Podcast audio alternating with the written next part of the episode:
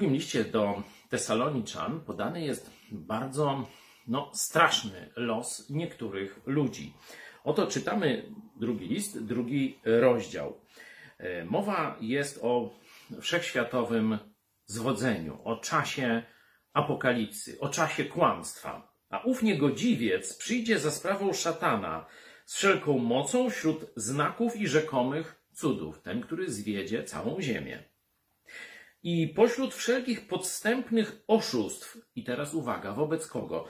Wobec tych, którzy mają zginąć, ponieważ ktoś mówi, no jak to Bóg jest y, taki, no jak niesprawiedliwy, niemiłosierny, nie kocha tych ludzi, no mają zginąć, przeznaczeni, przeznaczeni są na potępienie, ale jest ponieważ. Jak przeczytamy ponieważ, to zobaczymy, że to nie Boga wina.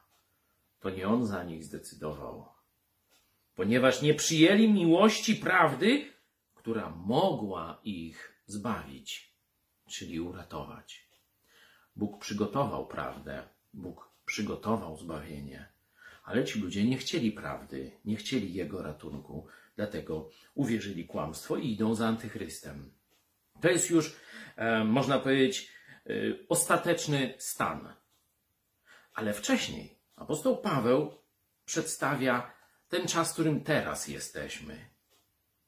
I zobaczcie, jak do tamtego ostatecznego, złego stanu doprowadziło to, co teraz przeczytam. Głoś słowo, bądź w pogotowiu, w każdy czas, dogodny czy niedogodny, karć, grom, napominaj, z wszelką cierpliwością i pouczeniem, albowiem przyjdzie czas. Apostoł Paweł mówi o przyszłości. Mówi, jak zaraz zobaczycie, o naszej teraźniejszości, albowiem przyjdzie czas, że zdrowej nauki nie ścierpią. Ale według swoich upodobań nazbierają sobie nauczycieli rządnitego, co ucho łechce i odwrócą ucho od prawdy, a zwrócą się ku baśniom. Na początku będzie fajnie, ale potem uwierzysz antychrystowi, jeśli zlekceważysz prawdę dziś.